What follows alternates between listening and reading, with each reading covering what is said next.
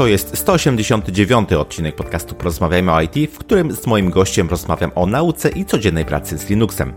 Przypominam, że w poprzednim odcinku rozmawiałem o roli technicznego konsultanta IT.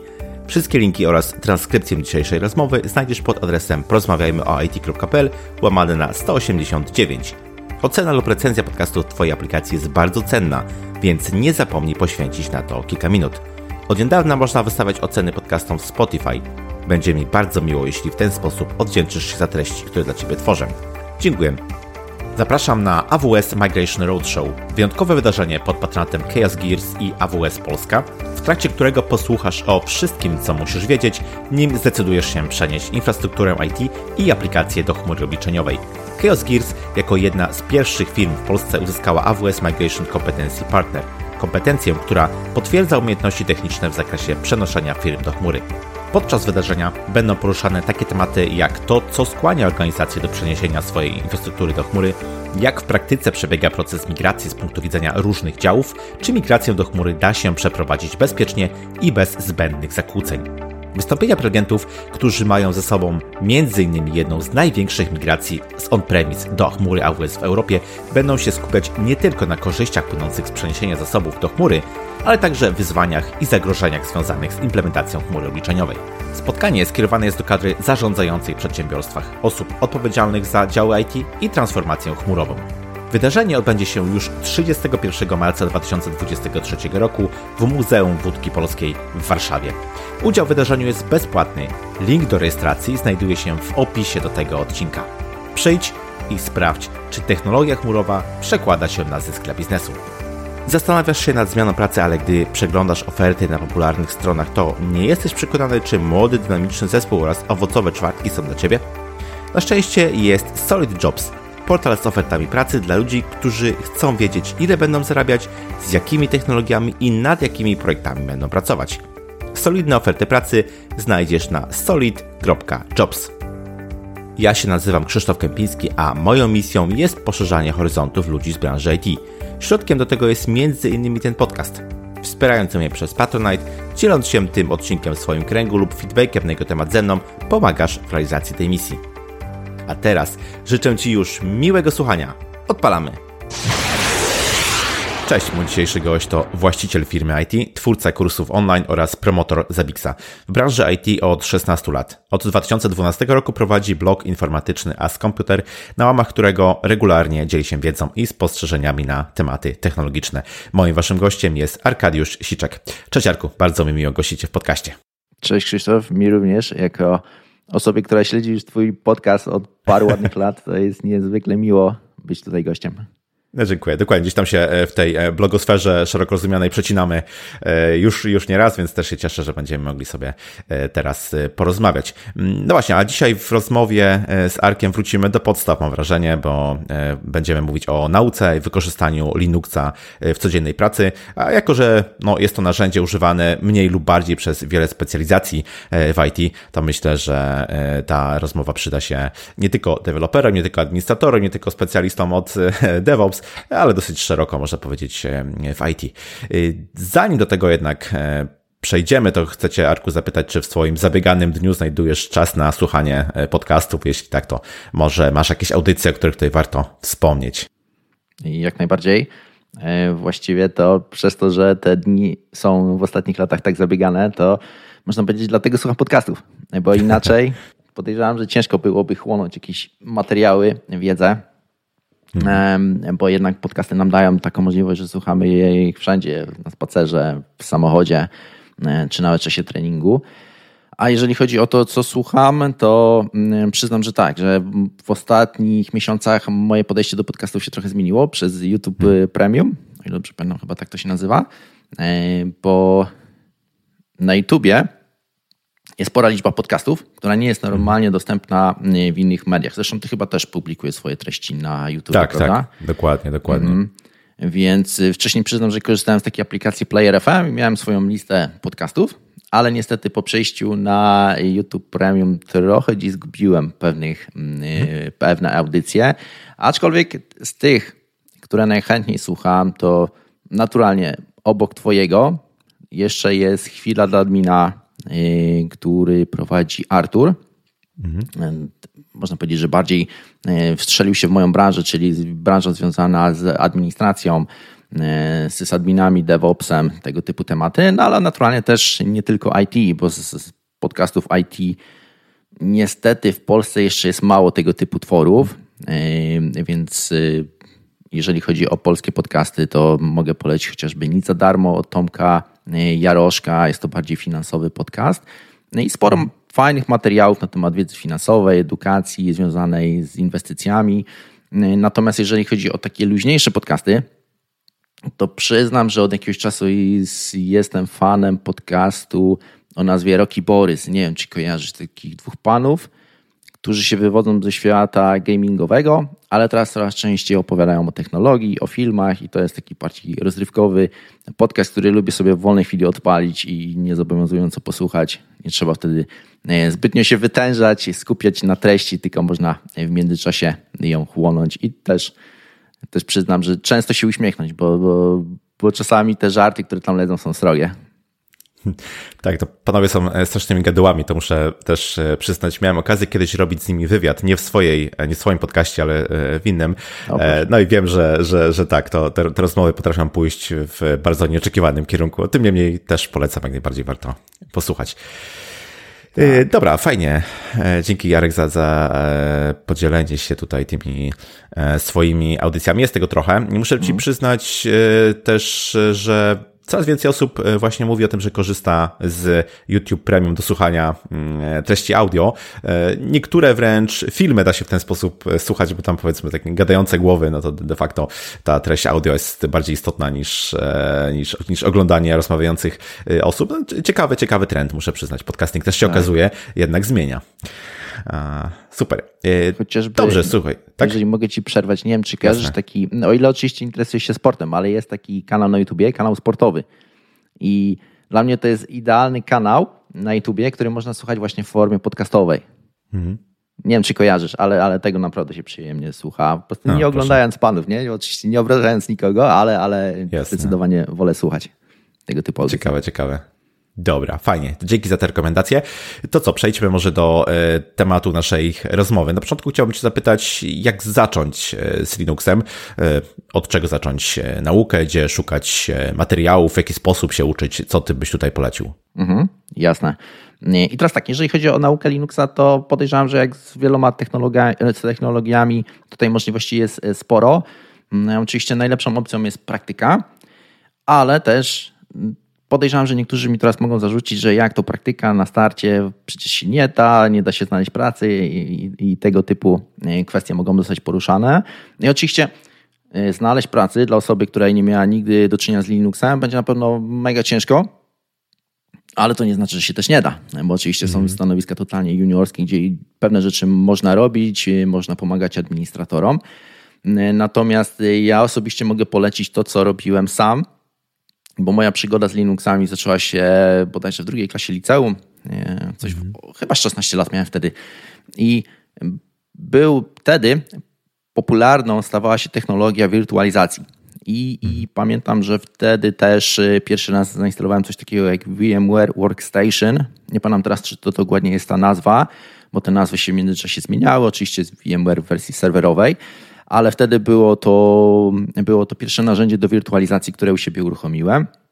Mhm. VMware e, Workstation, a było to spowodowane tym, że w liceum usłyszałem od kolegi, że jest taki system jak Linux, e, że można to zainstalować u siebie na komputerze za darmo. I, mhm. i oczywiście, cóż, jako posiadacz jednego komputera, nie chciałem odinstalować Windowsa. Oczywiście można było bawić się w partycjonowanie i tak zrobiłem, ale się okazuje, że zainstalowałem na jednej partycji Linuxa. Na chwilę coś mi nie działało. W tym przypadku to była słynna wtedy Neostrada. Nie miałem dostępu do internetu, to musiałem się przełączać na Linuxa i tak żonglowałem między tymi systemami. No i wtedy właśnie zainstalowałem to VMware Workstation, czyli zwirtualizowałem sobie Linuxa i, i to osobiście mogę polecić y, dalej dalej, pomimo ile już minęło, ładnych parę lat, prawie 20 już od tamtego czasu, to dalej to, co bym rekomendował, to właśnie uruchomienie sobie y, wirtualizacji.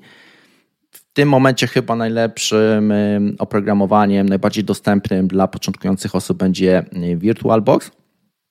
To można zainstalować na każdym Windowsie, następnie wydzielić sobie, stworzyć taką maszynę wirtualną, na tej maszynie wirtualnej zainstalować Linuxa, no i oczywiście też testować. I teraz, jeżeli chodzi o moje podejście, to przyznam, że Linuxy, z jakimi mam do czynienia, to są praktycznie no, w jakichś 99% przypadków Linuxy y, bez interfejsu graficznego. Czyli mamy tą linię poleceń, która większość osób odstraszy. I tutaj też hmm. Zachęcam do tego, żeby się nie zniechęcać. Oczywiście na początek y, polecam zainstalować sobie na takim VirtualBoxie jakąś wersję graficzną, hmm. czy to będzie Ubuntu, Debian, Fedora, nie ma to wielkiego znaczenia. Ważne jest to, żeby zacząć y, uruchomić tą dystrybucję, mm, następnie przejść do terminala, terminal sobie oczywiście wyklikać, wykonać pewne polecenia, potestować, zmienić ustawienia sieci, y, zobaczyć jak się instaluje oprogramowanie, jak wyglądają menadżery oprogramowania, bo tutaj też jest trochę zawiła sprawa, jeżeli chodzi o Linuxa w porównaniu chociażby z Windowsem, ale oczywiście też y, to wszystko przyjdzie z czasem, nie można się tym zniechęcać. I tym samym też, tworząc właśnie takiego laba, y, można zasymulować swoje środowisko pracy. Y, zatem to, co polecam, to zasymulowanie sobie takiego środowiska, a później oczywiście naukę jak najczęstszą linii poleceń, terminala, poznanie poleceń Linuxowych, bo to w głównej mierze przydaje się w pracy administratora w firmie na co dzień. I to, do czego to na pewno, co mogę odradzić, to to, żeby nie zaczynać od Kali, bo jest mhm. takie popularne podejście, na rynku, że nowe osoby, które nie mają totalnie, totalnie doświadczenia z Linuxem, zaczynają od Kali, czyli systemu, który jest dedykowany e, dla osób zajmujących się testami penetracyjnymi, zabezpieczaniem sieci, wykonywaniem audytów. No i to jest jednak dystrybucja, mimo iż początkowo może się wydawać, że przyjemna, przyjazna, bo jest interfejs graficzny, to jednak nie jest rekomendowana dla osób, które nie mają doświadczenia z administracją, nie mają doświadczenia z Linuxami, z siecią, zatem jeżeli ktoś nie ma tego backgroundu przynajmniej kilkuletniego, to sugerowałbym, żeby od tego nie zaczynać.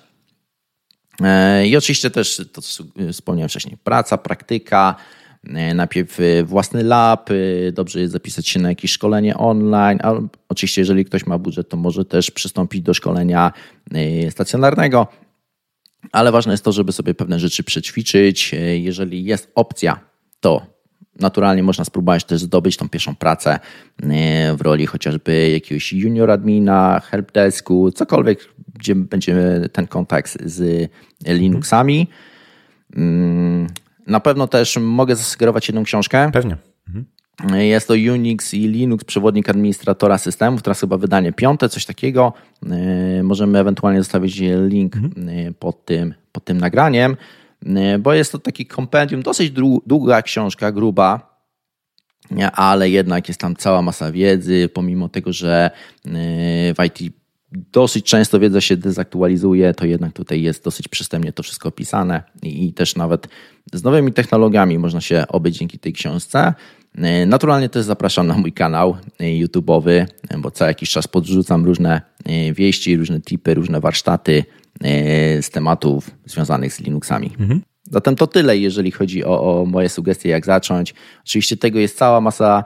E, jeżeli gdzieś ktoś zacznie, będzie miał problem, to naturalnie najlepszą pomocą jest Google, e, gdzie praktycznie każdy problem można wyszukać i tym samym też pomóc sobie rozwiązać. Dokładnie, dokładnie. Oczywiście te wszystkie rzeczy, Twój kanał, książkę e, podlinkujemy. E, ja zanim przeskoczyłem na e, Maki, to przez wiele lat też na Linuxach pracowałem jako deweloper, jako programista. No to były czasy takich dystrybucji jak tam SUSE, właśnie Red Hat, Debian i tak dalej. Później, później już Ubuntu z, z jakimiś fajnymi właśnie nakładkami graficznymi typu tam GNOME, KDE i tak dalej. Natomiast no, fak faktycznie też przeszedłem przez ten etap nauki Linuxa. No ale kiedy mamy to już z głowy, kiedy jesteśmy e, w miarę wprawieni chociażby w różnego typu podstawowych e, poleceniach, no to może zakochamy się w tym Linuxie na tyle, żeby e, chcieć pokierować swoją karierę, ścieżkę zawodową właśnie w tym kierunku. Jak z Twojego doświadczenia wygląda praca z Linuxem? Kto w ogóle wykorzystuje Linuxa w swojej pracy z Twojego doświadczenia? Jeżeli chodzi o pracę z Linuxem, to tu możemy podzielić tą część. Oczywiście, jeżeli mówimy o IT, bo to, że też dużo mhm. osób na stanowiskach biurowych korzysta z Linuxa, to nie żadną tajemnicą. Oczywiście częściej spotykamy firmy, gdzie jest Windows, ale Linux też się, też się trafia. I teraz w zależności od tego, do czego jest używany Linux y, w danej firmie, to naturalnie mm, to będzie miało wpływ na to, jakie stanowiska y, w IT są potrzebne, bo jeżeli użytkownicy mają na swoich komputerach Linux y, w formie graficznej, to naturalnie będzie potrzebny ktoś, kto będzie im pomagał z prostymi zadaniami, tak jak wszędzie, czyli będzie potrzebny ktoś na stanowisku helpdeska, kto wykona chociażby instalację samego oprogramowania na komputerze, który wykona instalację różnego rodzaju oprogramowania, wykona tą konfigurację sieci, chociażby podłączy drukarkę użytkownikowi. I to są takie najbardziej e, banalne zagadnienia, z którymi, jeżeli ktoś ma do czynienia z Linuxem, a nawet z Windowsem, podejrzewam, że nie będzie problemu, żeby dosyć szybko się wdrożyć do takiej pracy. Natomiast to, o czym ja głównie mówię i to, na czym się znam, to jednak administracja. I tu mogę powiedzieć e, więcej na temat tego, jak wyglądają zagadnienia administracyjne. E, tym samym też coraz mhm. częściej tutaj administrator ewoluuje w zagadnienia związane z DevOpsem. Zatem tutaj na pewno też dużą częścią działki związanej z pracą przy Linuxach są wdrożenia. Bo samo wdrożenie mhm. systemu, niezależnie, niezależnie od tego, czy mamy tutaj infrastrukturę fizyczną, czy chmurę, e, to jednak wymagają to, wymaga to pewnych kompetencji, e, bo musimy wdrożyć oczywiście system, aplikację, czy to będzie rozwiązanie kontenerowe, czy aplikacja uruchomiona bezpośrednio na serwerze, to musimy mieć pewną wiedzę, która pozwoli nam uruchomić tą aplikację, wdrożyć, zabezpieczyć i tym samym też później utrzymać. Ups utrzymać, bo e, to, że mamy wdrożone, to jest jedna sprawa, ale teraz kolejna sprawa to jest utrzymanie tej aplikacji, czyli naturalnie musimy monitorować, optymalizować, również zabezpieczyć. I tu są różne kompetencje, bo też jeżeli mamy niedużą firmę, niedużą infrastrukturę, to często jest tak, że wystarczy nawet ten jeden informatyk, który teoretycznie może sobie z tym zagadnieniem poradzić. Natomiast w większych organizacjach, e, w korporacjach mamy to oczywiście podzielone na konkretne działy, E, ekipy ludzi, które zajmują się konkretnymi zadaniami, czyli chociażby jest dział, który ma za zadanie monitorować to wszystko, inny ma za zadanie e, zabezpieczać i tym samym też rozwiązywać pewne e, problemy. Zatem tutaj ta, ten podział jest dosyć spory. Ale oczywiście też jest sekcja związana z tak zwaną bieżączką, czyli rozwiązywanie codziennych problemów, zarządzanie usługami, bo to też często w pracy administratora y, ma miejsce, że ktoś musi utrzymywać te usługi. Jeżeli coś się niedobrego dzieje, to oczywiście należy sprawdzić, co na danym serwerze się wydarzyło, jaki pojawił się problem, zmienić mhm. to, zoptymalizować, poprawić, a najlepiej też wykonać takie poprawki na serwerze, żeby dany mhm. problem się nie pojawił w przyszłości. Zatem tu oczywiście tej pracy jest sporo. No i też dochodzą typowe zadania administracyjne, czyli zarządzanie użytkownikami, E, zarządzanie uprawnieniami, często też y, chociażby wdrażanie poprawek bezpieczeństwa, również automatyzacja, gdzie tutaj już po części wchodzimy w zagadnienia związane z DevOpsami, e, z DevOpsem, czyli oczywiście też y, automatyzowanie tego wszystkiego, bo jeżeli mamy dużą infrastrukturę, to tej pracy jest sporo i tym samym też y, uruchomienie poprawki na jednym serwerze to nie jest to samo, co uruchomienie poprawki na kilkuset maszynach gdzie administrator musi wdrożyć, y, może teraz jest za mocne słowo wdrożyć, ale wymyślić u siebie system, który pozwoli na mhm. Y, uruchomienie tych wszystkich poprawek wszędzie, czyli albo musi zbudować jakiś skrypt, albo też proces automatyzujący. Też oczywiście dochodzą, dochodzi kwestia testów, Najpierw musimy to przetestować na środowisku testowym, później na produkcyjnym. Zatem tutaj ten stopień skomplikowania może być różny. Nie wiem, czy teraz nie za bardzo yy, komplikuje temat i czy wszystko jest jasne, ale, ale mam nadzieję, że, że to podejście jest jasne, że oczywiście im bardziej skomplikowana infrastruktura, tym tych zadań może być więcej, mm -hmm. tym bardziej są skomplikowane. Właśnie to doświadczenie jest z pewnością um, potrzebne większe, ale rozpocznijmy, czy tam cofnijmy się powiedzmy do tych pozycji juniorskich. Um, jak ten start w pracy takiej osoby, która dopiero rozpoczyna swoją przygodę z Linuxem może wyglądać? W jakiego typu pracach taka osoba może pomagać tak realnie? E, zatem naturalnie to, co mogę powiedzieć, to na pewno nie można się zrażać, bo to jest taka rzecz, która e, powoduje, że dużo osób się zniechęca. Najpierw e, szukając pracy, e, często słyszę, że ludzie się zniechęcają tym, że szukają pracy. Miało być tyle pracy, a tu się okazuje, że to nie jest jednak takie proste. Ale oczywiście też, jeżeli nie mamy doświadczenia, to znalezienie pracy nie będzie takie e, łatwe na start. Natomiast nie można się zrażać, bo to, że e, wyślemy CV do kilku firm, to nie znaczy, że ta 15 się do nas nie odezwie i nie przyjmie nas na stanowisko. I oczywiście też na start, jeżeli nie mamy żadnego doświadczenia, to nie dostaniemy do obsługi mhm. serwera. Wydaje mi się, że nie muszę tego tłumaczyć, bo jednak nikt tak zwanemu żółtodziobowi nie da do obsługi serwera, nie powiem, tutaj jest serwer, od tego zależy nasz biznes, a ty po hmm. prostu się tym zajmij. No takiej sytuacji raczej nie będzie. Przepis na katastrofę. Tak, no. E, I uziemienie biznesu tym samym. Ale jeżeli chodzi o, o takie początkowe stanowisko, czyli chociażby wspomniany helpdesk, albo też y, y, pomoc dla administratora, to jak najbardziej tutaj możemy się sporo nauczyć. I tutaj też dochodzi kolejna rzecz, żeby też się nie zrażać tym, że czegoś nie wiemy, ewentualnie koledzy z pracy nam nie mówią. Bo tak często jest, mhm. że gdzieś przychodzimy, nie wiemy, nie mamy doświadczenia. Zresztą ja też tak miałem, że pierwsza praca, jaką miałem. To było środowisko czysto Windowsowe, pomimo tego, że wcześniej e, uczyłem się, szkoliłem na własną rękę z Linuxa, to jednak pierwsza praca, jaką zdobyłem, to był po prostu Windows, nie było mhm. żadnego Linuxa. Chyba, że był jakiś jeden, teraz nie pamiętam, było coś, jakaś chyba prosta usługa na nim postawiona, ale gdzieś leżał sobie zakurzony i w sumie tyle. E, natomiast już drugie miejsce pracy no to się okazało, że tych serwerów Linuxowych jednak jest sporo i to, że ty tam sobie, że, że ja sobie wcześniej administrowałem tymi Windowsami, no to, to trochę jednak wywraca tą grę. I się okazało, że w nowym miejscu pracy dużo rzeczy nie wiem, ale ważne jest to, żeby e, drążyć, e, pytać się kolegów, jeżeli nie są chętni do podpowiedzi, no bo to jest praca. Wydaje mi się, że nie musimy się oszukiwać, jak to czasami w pracy tak. wygląda, że nie każdy jest chętny do tego, żeby się podzielić swoimi kompetencjami. To jednak musimy, musimy drążyć, nie poddawać się cały czas próbować wyrwać tą wiedzę od kolegów i, i, z takiego typowego juniora, który będzie pomagał administratorowi. Myślę, że z czasem można te kompetencje zwiększać i, i coraz, coraz większe doświadczenie zdobywać.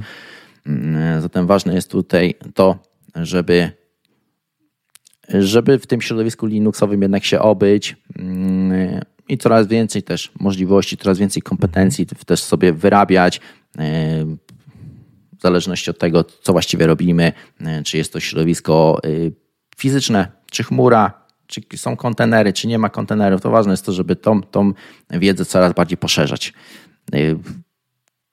Nie wiem, czy, czy, czy tego oczekiwałeś, czy, czy takie było teraz przesłanie tego pytania? Tak, myślę, że tak. Znaczy, ogólnie to, co powiedziałeś, to yy, jednoznacznie świadczy o, tym, że oczywiście w pracy uczymy się wiele, no bo też nierzadko wtedy tylko mamy możliwość styku e, z rozwiązaniami, których no, trudno byłoby nam zasymulować, powiedzmy, gdzieś tam w, w domu, więc e, no, to jest takie naturalne środowisko, w którym e, możemy urosnąć, jeśli chodzi o umiejętności i, i kompetencje. Myślę sobie, że zwłaszcza w przypadku tych osób początkujących juniorskich, no bo no, wtedy, gdyby dopiero wkraczamy w takie realne, produkcyjne rozwiązania. No ale myślę sobie, że zanim tutaj, gdyby do tego etapu dojdziemy, no to musimy już mieć pewne te niezbędne kompetencje, umiejętności, żeby w ogóle ktokolwiek zlecił nam nawet te najmniejsze e, prace związane z, z Linuxem. E, to właśnie, co leży w zasięgu tych takich, wiesz, podstawowych umiejętności, podstawowych zdolności, żeby w ogóle rozpocząć taką przygodę zawodową mm. z Linuxem? Co trzeba umieć? Mm. Mówimy teraz o y, helpdesku czy administratorze? Jeśli są jakieś wspólne elementy, to, to, to myślę, że byłoby fajnie. Jeśli chciałbyś to rozdzielić, to myślę, że też będzie ok.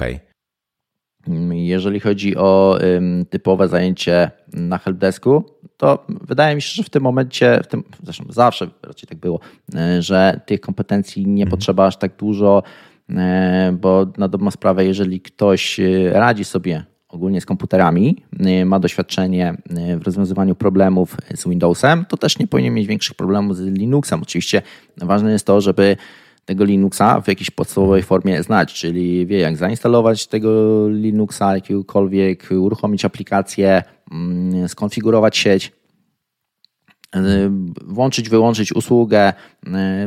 To taki będzie, można powiedzieć, że to będą takie podstawy, które już pozwolą gdzieś tam y, zdobyć tą pracę. Ale oczywiście to jest takie totalne minimum, bo jeżeli chodzi o mm, stanowiska mm, administratora juniorskie, to dobrze będzie mieć jakiekolwiek doświadczenie jako administrator, bo na dobrą sprawę Linux mhm. aż tak wiele się nie różni od Windowsa. Jeżeli ktoś ma y, doświadczenie w pewnych zagadnieniach, czyli y, wie jak zarządzać usługami sieciowymi, wie jak wygląda ta praca w zarządzaniu serwerem, wie taką podstawową rzecz, jak chociażby to, że serwer musi mieć stały adres IP, bo teraz niektórzy mogą się zaśmiać, ale to jest typowe, można powiedzieć, takie podstawowe pytanie y, osoby zaczynającej z serwerami, czy powinienem ustawić y, adres IP stały, czy adres IP z DHCP. No i dla osoby, która ma już jakieś doświadczenie z serwerami, będzie oczywistą odpowiedzią to, że musi być to stały adres IP. Natomiast osoba początkująca nie będzie tego wiedziała. Znaczy, może zgadywać, nie? Ale, ale ze swojego doświadczenia tego nie wie. Zatem jeżeli ktoś już pewne rzeczy przećwiczył ze środowiskiem Windowsowym, e, wie co to jest DNS, wie jak skonfigurować tego typu usługę, to to, że później się przysiądzie e, na Linuxy, to nie będzie miało aż tak wielkiego znaczenia. Oczywiście nie usiądzie teraz do serwera Linuxowego i wszystko zacznie ustawiać z automatu, ale też będzie miał pewną wiedzę, która pozwoli mu szukać pewnych rozwiązań. Bo jeżeli dostanie zadanie uruchomienia pewnej aplikacji, no to będzie wiedział, jakie informacje musi uzyskać, jakie informa, jakich, jakich rzeczy musi drążyć, e, co musi zostać uruchomione, że na przykład na serwerze musi być uruchomiony ten typowy stały adres IP, usługa DNS, e, usługa bazy danych. Mhm. Muszą być pewne elementy, które pozwolą nam na uruchomienie tego, e, tego środowiska. I to już można powiedzieć, że wystarczy. Oczywiście to jest takie totalne minimum, bo e, jeżeli chodzi o, o, o to, co administrator powinien umieć, to na pewno e, powinien wiedzieć, jak zarządzać usługami. To tak można powiedzieć, że minimum to jest najczęstsza e, rzecz, jaką się konfiguruje na Linuxach, jaką się zarządza, bo często jest tak, że jeżeli jakaś usługa nie działa, no to często jest tak, że już po prostu administrator ją restartuje w, w pierwszej kolejności. Bo ważne jest to, żeby jak najszybciej tą aplikację e, uruchomić. Natomiast mhm. w innych miejscach oczywiście będzie potrzebny administrator, który ma tą wiedzę kompleksową. I, i też tutaj te, też często pewne zagadnienia się zagłębiają, bo to, że mamy e, znajomość Linuxa, to nie znaczy, że dostaniemy tą najlepszą pracę, najlepiej płatną, bo w pewnych firmach będą wymagali też oczywiście znajomość chmury, E, gdzie indziej będą wymagać znajomości konteneryzacji, gdzie indziej będą wymagać też chociażby e, umiejętności radzenia sobie z bazami danych, a gdzie indziej będą wymagali od ciebie, żebyś znał Linuxa, kontenery, chmurę, mm, Ansible, y, cokolwiek teraz sobie wymyślimy, tak? To oczywiście będzie wpływało na to, że im będziemy mieć więcej kompetencji, tym też możemy zyskać lepszą pracę i lepiej płatną pracę z jednej strony mamy kompetencje, umiejętności, z drugiej strony mamy konkretne narzędzia, które są e, wykorzystywane w tej e, codziennej e, pracy. No i właśnie, gdybyśmy teraz, gdybyśmy teraz mieli przejść do takiego, wiesz, narzędziownika, to co byś wymienił jako przydatne narzędzie, przydatny tool w codziennej pracy z Linuxem? Na pewno takie mm, totalne minimum podstawy, a podejrzewam, że teraz nikogo nie zaskoczy, to jakikolwiek klient SSH, bo jednak w jakiś sposób musimy się połączyć z tym Linuxem nie wiem, czy rozwijać temat. Wydaje mi się, że chyba nie, nie muszę. Jak... Myślę, że nie. Myślę, że wystarczy jak gdyby wymienić może jedno zdanie opisu, dlaczego akurat uważasz, że to narzędzie okay. jest istotne. To, co ja zawsze polecam, e, jeżeli ktokolwiek, jeżeli teraz osoba słuchająca mnie śledzi, to podejrzewam, że nie będzie to zaskoczeniem. Zawsze polecam e, jakieś rozwiązanie do monitoringu. Osobiście stosuję Zabixa bo jednak monitoring daje nam to, że możemy e, mieć całą masę informacji naszego serwera, całą masę metryk o tym, co się gdzieś dzieje na serwerze, jakie są zasoby zużywane, jakie usługi działają. E, również warto wdrożyć monitorowanie logów w postaci jakiegoś systemu CM aczkolwiek tu już wchodzimy w tym momencie w zakres bezpieczeństwa, ale tutaj też dobrze tą pracę sobie zautomatyzować, bo Naturalnie możemy zabezpieczać każdy serwer po kolei, e, sprawdzać logi po kolei i tym samym też e, wykonywać pewne zmiany, ale możemy to sobie ułatwić za pomocą systemu CM, który nam e, wyśle powiadomienie o tym, że coś się niedobrego dzieje, przedstawi raport, dostaniemy zbiorczą informację o tym, że pewne rzeczy musimy wdrożyć. Jeżeli chodzi o monitorowanie zasobów, to Tutaj też e, mamy wtedy taki piękny podgląd, na przykład właśnie za pomocą wspomnianego Zabixa, gdzie logujemy się, wchodzimy w ustawienia e, danego hosta, danego serwera i mamy podgląd na to, e, gdzie powinniśmy może jakiś upgrade zrobić serwera, czyli przykładowo gdzieś nam brakuje pamięci RAM, gdzieś tutaj się procesor kończy. A inna sprawa, to jeżeli była gdzieś awaria, Przykładowo, w nocy coś się niedobrego działo. Użytkownicy nam zgłosili, że, nie, że mieli problem z czymś. My akurat spaliśmy, nie wiemy, co się działo. To dzięki takiemu właśnie systemowi do monitoringu możemy zalogować się, podejrzeć, zobaczyć, co tam się działo, e, czemu na danym serwerze e, mogły być opóźnienia i dzięki właśnie takim zbiorczym wykresom widzimy wtedy, że gdzieś tutaj było zużycie większe. Być może wystarczy zwiększyć ten procesor, yy, moc procesora na danej maszynie i, i wszystko będzie działało już poprawnie. Zatem no tutaj jedna sprawa to właśnie takie narzędzie do monitoringu, druga sprawa to też yy, pomaga nam yy, tego typu narzędzie do tego, żeby analizować pewne problemy.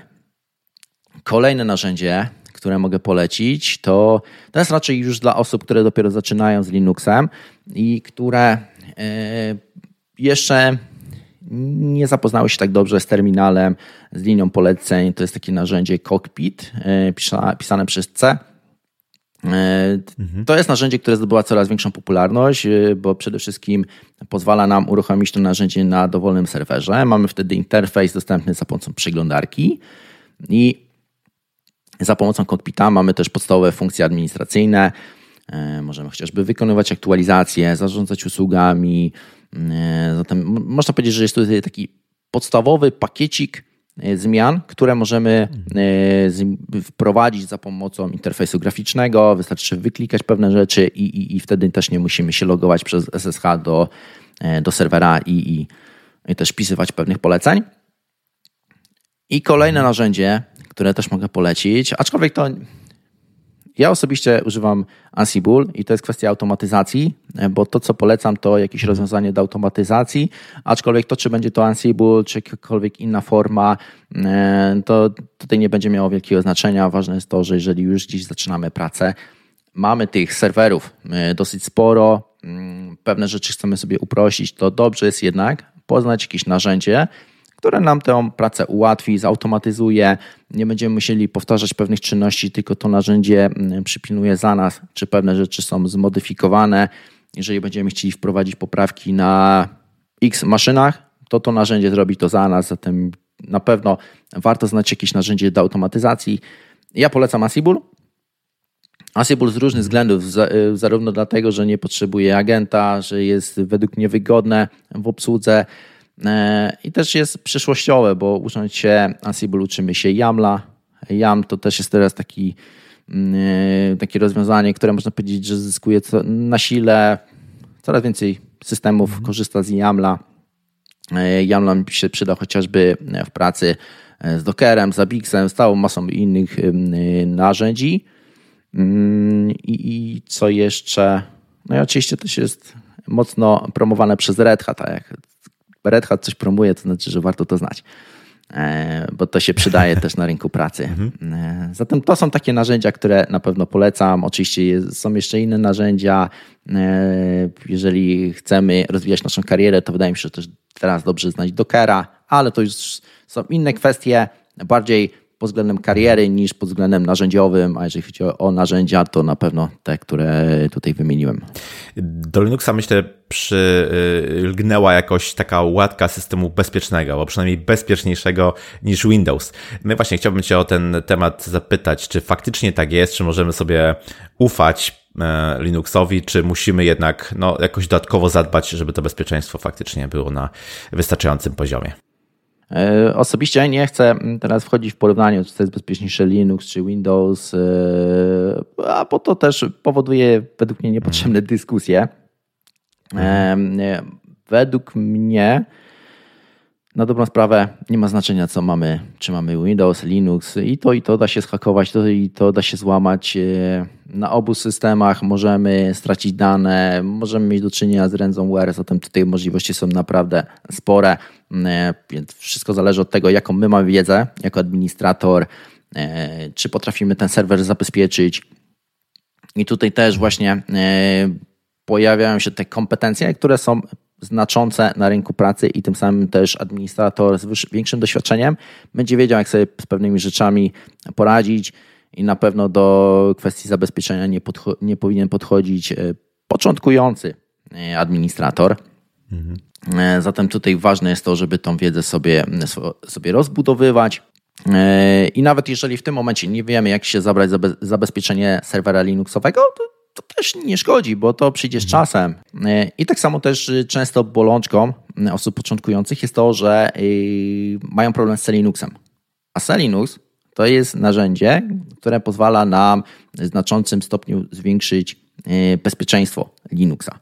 I dla mnie jest oczywistym to, że ten Selinux musi być włączony, musi być uruchomiony, e, by go tykać jak najmniej, ale początkujące osoby często jak czegoś się uczą, chociażby znanym, e, znanym podejściem, co nie znaczy, że słusznym, e, jest to, że osoby początkujące, które gdzieś tam uczą się na swoją rękę Zapixa i wyszukują tutoriale w Linuxie, jak tego Zapixa wdrożyć, to często w tych tutorialach jest opisane, że pierwsze co zrobić, to wyłączyć C Linuxa, żeby nie sprawiał nam problemu.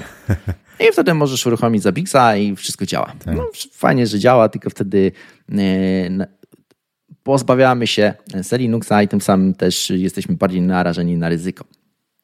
A C Linux to jest jednak narzędzie, o którym nawet Red Hat y, twierdzi, że jeżeli mamy C Linuxa wdrożonego, to raczej nie powinien nam się zdarzyć wirus na Linuxie. Co jest oczywiście w tym momencie podejściem, że raczej 100% Red Hat nigdy nie powie, że tego Linuxa nie będzie, bo na Linuxie też są wirusy, też może się zdarzyć i to, że teraz nie ma, to mhm. nie znaczy, że jutro ktoś nie wypuści wirusa, który e, coś zrobi z tym Selinuxem. No ale Selinux jednak e, to jest taki, takie sprytne narzędzie, które pozwala nam e, jakby zaetykietować wszystko w naszym systemie, czyli każdy plik, każdy proces otrzymuje taką etykietkę od Selinuxa i jeżeli coś się Linuxowi nie podoba, że został wprowadzony jakiś plik i ta etykietka jest nieznana, hmm. nie powinno jej tu być, no tym, tym samym też Selinux odetnie dostęp. To jest oczywiście w uproszczeniu. Sam Selinux jest mega rozbudowanym narzędziem i też trudnym. Nie będę ukrywał, Selinux jest trudny, żeby stać się mistrzem w Selinuxie, to naprawdę trzeba spędzić sporo godzin ale, ale naprawdę nam sporo tutaj daje. I oczywiście Linux nie jest jedynym rozwiązaniem, jest chociażby AppArmor dostępny na Ubuntu, aczkolwiek od razu dodam, że jeżeli chodzi o AppArmor mam zdecydowanie mniejsze doświadczenie, więc tutaj nie będę się wypowiadał.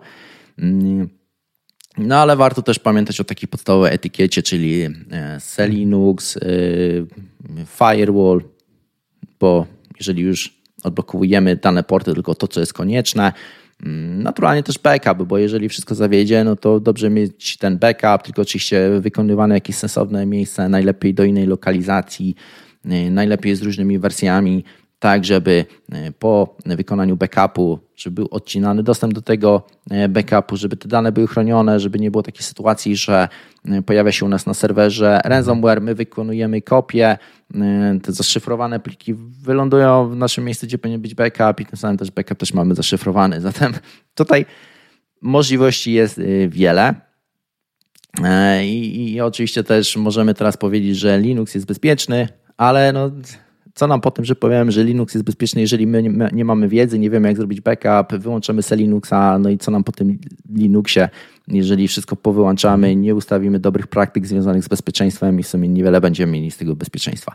E, zatem osobiście uważam, że Linux jest bezpieczny, może rzadziej też e, hakowany niż Windows, aczkolwiek to też jest, punkt sporny, e, bo są statystyki, że jest mniej ataków na Linuxy, ale z drugiej strony na Linuxach często pracują firmy i, i, i urządzenie z Linuxem często jest bardziej wartościowe niż to z Windowsem, zatem y, jeżeli ktoś postanowi dobrać się, y, dobrać się, może złe słowo teraz, ale jeżeli ktoś postanowi schakować serwer Linuxowy, to na dobrą sprawę osiągnie więcej w ten sposób niż hakując jakieś komputery z Windowsem.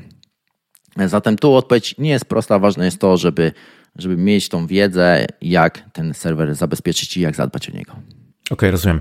Y, rozmawiamy dzisiaj o nauce, ale rozmawiamy też o pracy e, z Linuxem, a jeśli praca, to też rynek pracy. Mm. No właśnie, chciałbym Cię poprosić, żebyś zestawił potencjalne zarobki versus poziom wejścia, czy też trudności e, Linuxa. Jak to, jak to wygląda właśnie na rynku pracy? Mm, zatem tak jak rozmawiamy cały czas i powraca ten temat tego, że mm, na stanowiskach juniorskich e, trzeba mieć mniejsze kompetencje, to oczywiście też tutaj będą mniejsze zarobki. E, jeżeli mamy do czynienia ze stanowiskiem e, związanym z, mm, z helpdeskiem, no to tym bardziej nie można liczyć w tym momencie na, na duże zarobki. I tu niestety nie powiem nic, co może ucieszyć niektórych, którzy liczą, że będą zarabiać 15 tysięcy, to mityczne 15 koła na start w IT. E, jeżeli ktoś zacznie pracę w helpdesku i nie ma totalnie żadnego doświadczenia, no to nie będzie tutaj niczym zaskakującym, jeżeli się okaże, że firma zaproponuje mu nawet minimum krajowe. I tak się zdarza na rynku pracy. Jeżeli nie mamy żadnego doświadczenia, e, to jest taka, e, jest to całkiem, jest duże prawdopodobieństwo, że, że to taką osobę spotka, ale to też nie jest złe bo to, że dostaniemy na początek minimum krajowe, no to ważne jest to, że też zdobędziemy doświadczenie. I to, że jeżeli dostaniemy tą pracę na okres próbny 3 miesiące, to po 3 miesiącach może się okazać, że ten skok zarobków będzie znaczący. E, I oczywiście nie chcę teraz mówić nic w ciemno, ale, ale po takim okresie próbnym, jeżeli oczywiście się rozwijaliśmy, to y, taka podwyżka o 25% to według mnie powinno być minimum.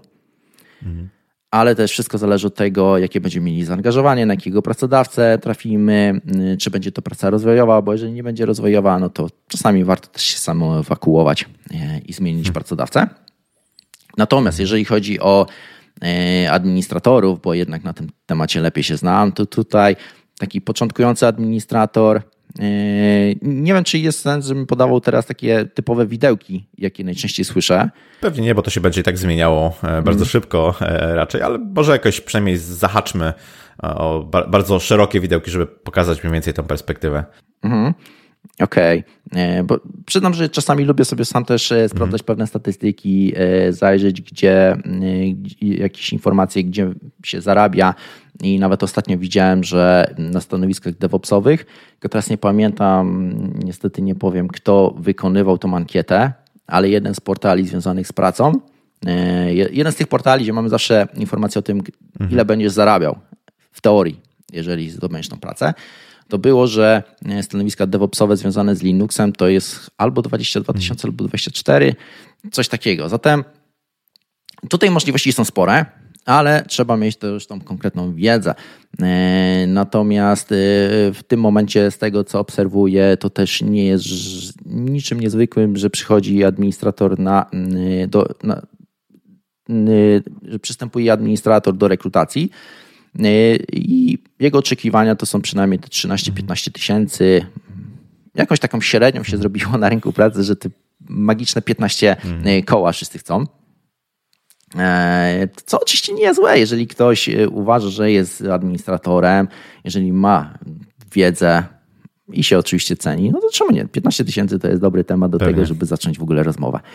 E, I z tego co widzę, to też pracodawcy często płacą administratorom w ten sposób, że mamy tutaj tą rozpiętość od tych słynnych 15 tysięcy, no ale też oczywiście, jeżeli administrator dopiero zaczyna, no to na taką kwotę nie może się nastawiać i, i te e, zarobki w okolicy tych 6 tysięcy to jest taka, taka suma, którą też często słyszę, że, że od tego raczej się zaczyna.